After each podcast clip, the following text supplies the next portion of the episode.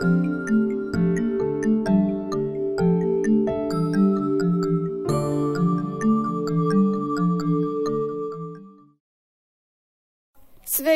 su jumis sveikinuosi aš, Margarita. Kaip greitai pralikė vasaris, lyg akis mirktelėjimas ir vėl nauja įvykių apžvalga.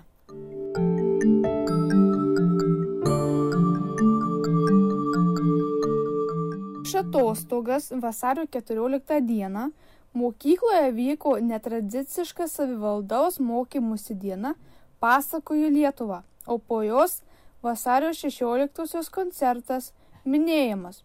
O kasgi tu esi, tėvyna, jei nemės.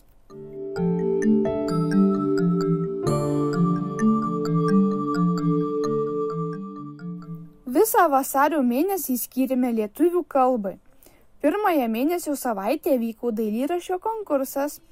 Vasario 13-ąją skaitėme Justino Marcinkievičiaus kūrybą renginyje ant Lietuvos mano širdis patekėjau. O vasario 24 kovo 6 dienomis vyksta akcija Kaip surasti Lietuvą. Rašau Lietuvos vardą. Taip pat vasario mėnesį mūsų mokyklos antrame aukšte vyko paroda Karpiniuota lietuviškų ženklų šnekta, skirta tautodailės metams paminėti.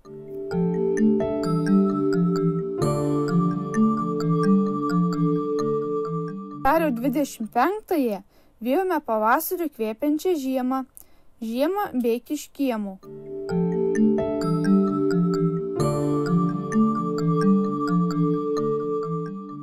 Kitą savaitę mūsų dešimtokai rašė anglų ir rusų kalbos pasiekimų lygių nustatymo testus. Linkime gerų rezultatų.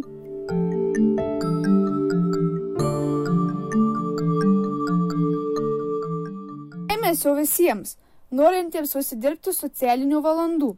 Gižų radijoje reikalingas komandos pastiprinimas. Norintys susidirbti valandų, nebintys iššūkių bei mokantys dirbti komandoje, kreipkitės į Paulių. Šią įvykių apžvalgą baigiu šią žinę. Mūsų transliaciją praties Gižų radio sporto žurnalisto Žygimanto Eidukevičiaus parengta sporto apžvalga. Su jumis buvau aš, Margarita. Iki.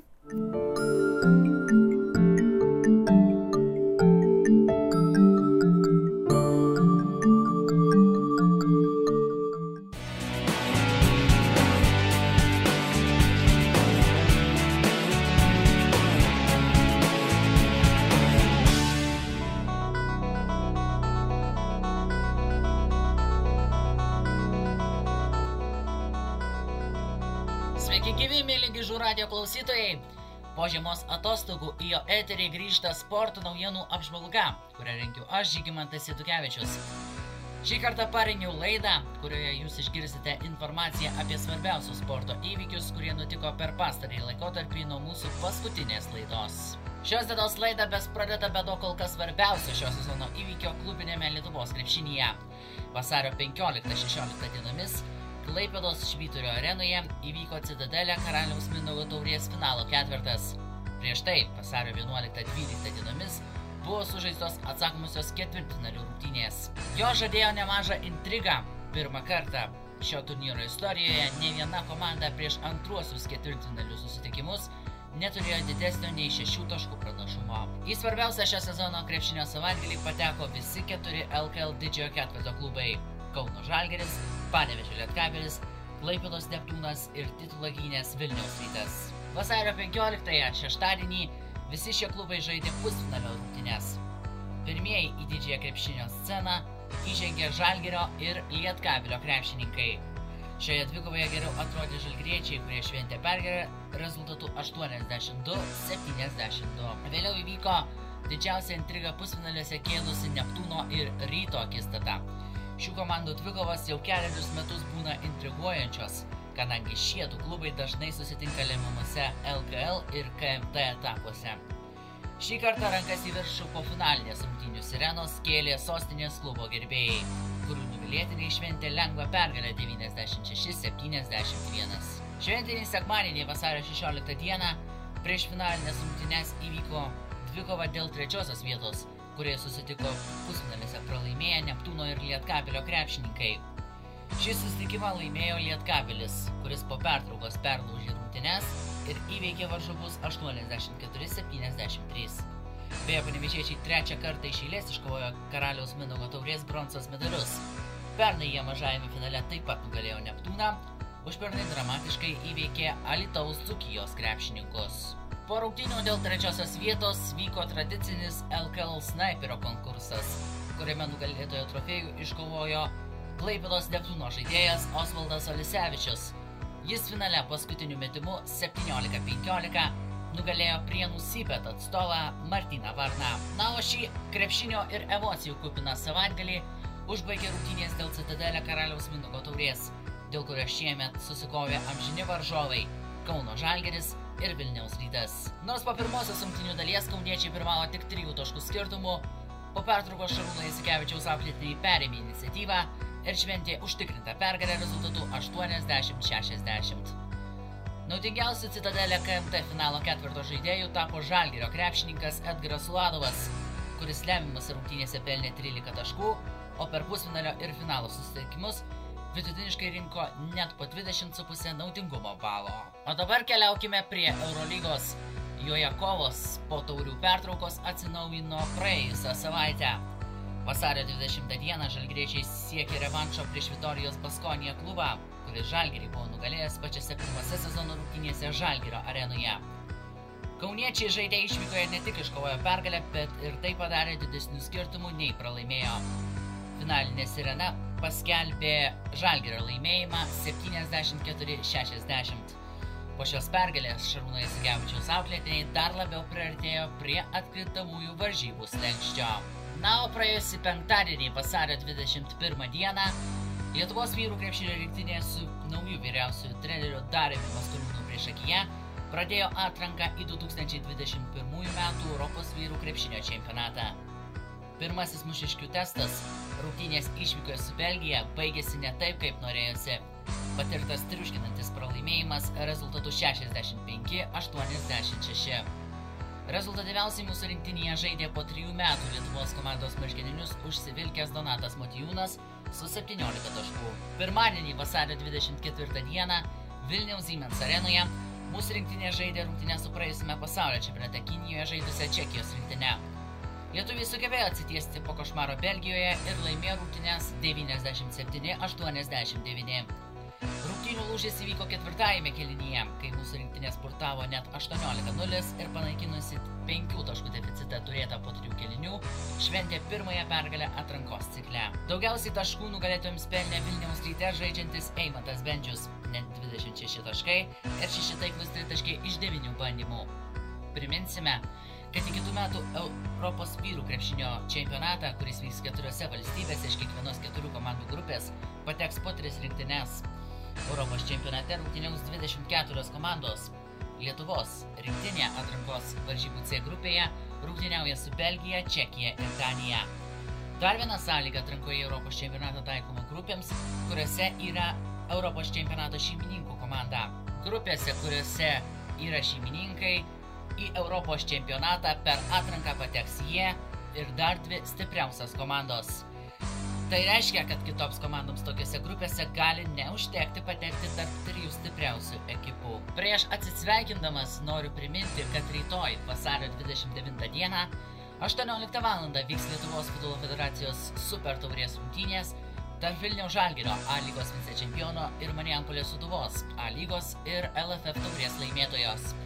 Šį susitikimą iš Vilniaus sportimo manėžo tiesiogiai transliuos Delfi televizija, todėl kviečiame bent jau virtualiai palaikyti savo komandą rungtynėse dėl pirmojo sezono trofėjaus. Kai baigėsi šios rungtynės, mes pranešime jau kitą penktadienį per Gižų radijos sporto naujienų apžvalgą. Šiandieninėje apžvalgoje naujienų jau užteks.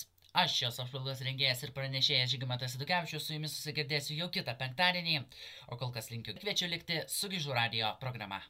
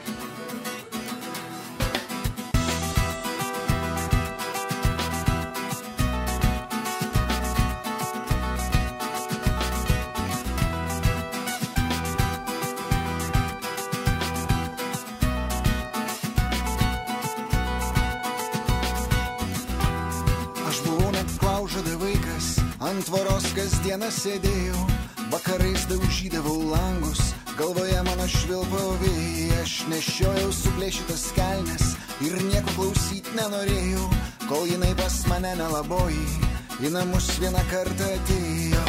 O meilė, tu mane nugalėjai,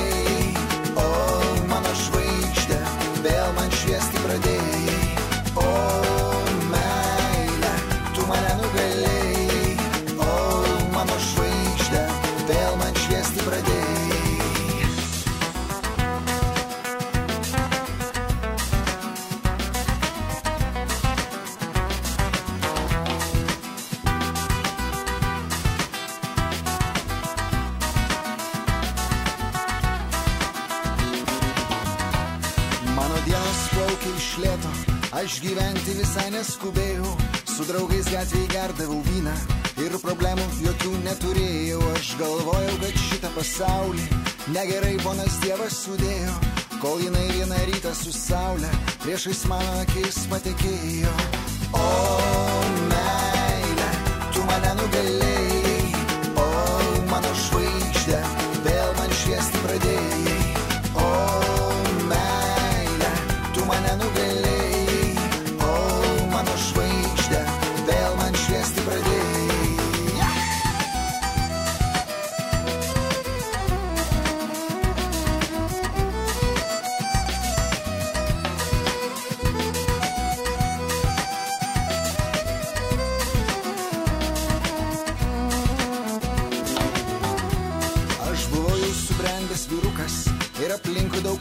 Daug moterų sukos. Aš visas jas turėti galėjau, bet į nieką žiūrėti nenorėjau. Pamiršau aš gyvenimo skonį, nemokėjau nei juoktis, nei verkti, kol jinai į duris pasibeldė ir pasakė, aš čia atsimerkė.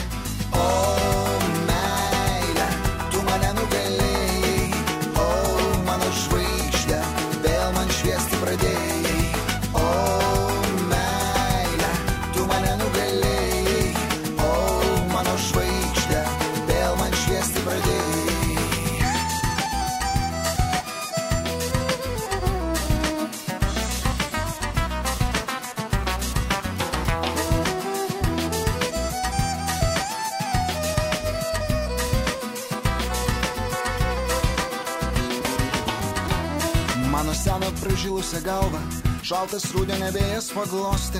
Aš žiūrėjau, kaip leidžiasi saulė virš užmėgančio didelio uosto. Aš galvojau, kad viskas jau buvo ir mirtis mane peiliais jau bado. Bet jinai paskutinę sekundę mano vienišą širdį surado. O meilė, tu mane nugalėjai,